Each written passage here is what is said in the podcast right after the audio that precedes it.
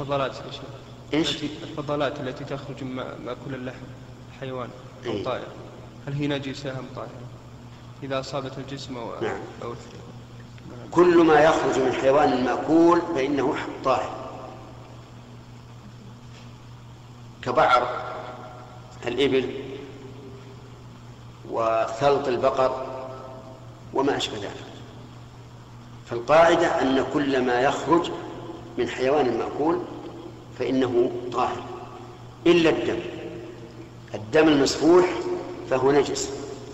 لقول الله تبارك وتعالى قل لا أجد فيما أوحي إلي محرما على طاعم يطعمه إلا أن يكون ميتا أو دما مسفوحا أو لحم الخنزير فإنه رجس.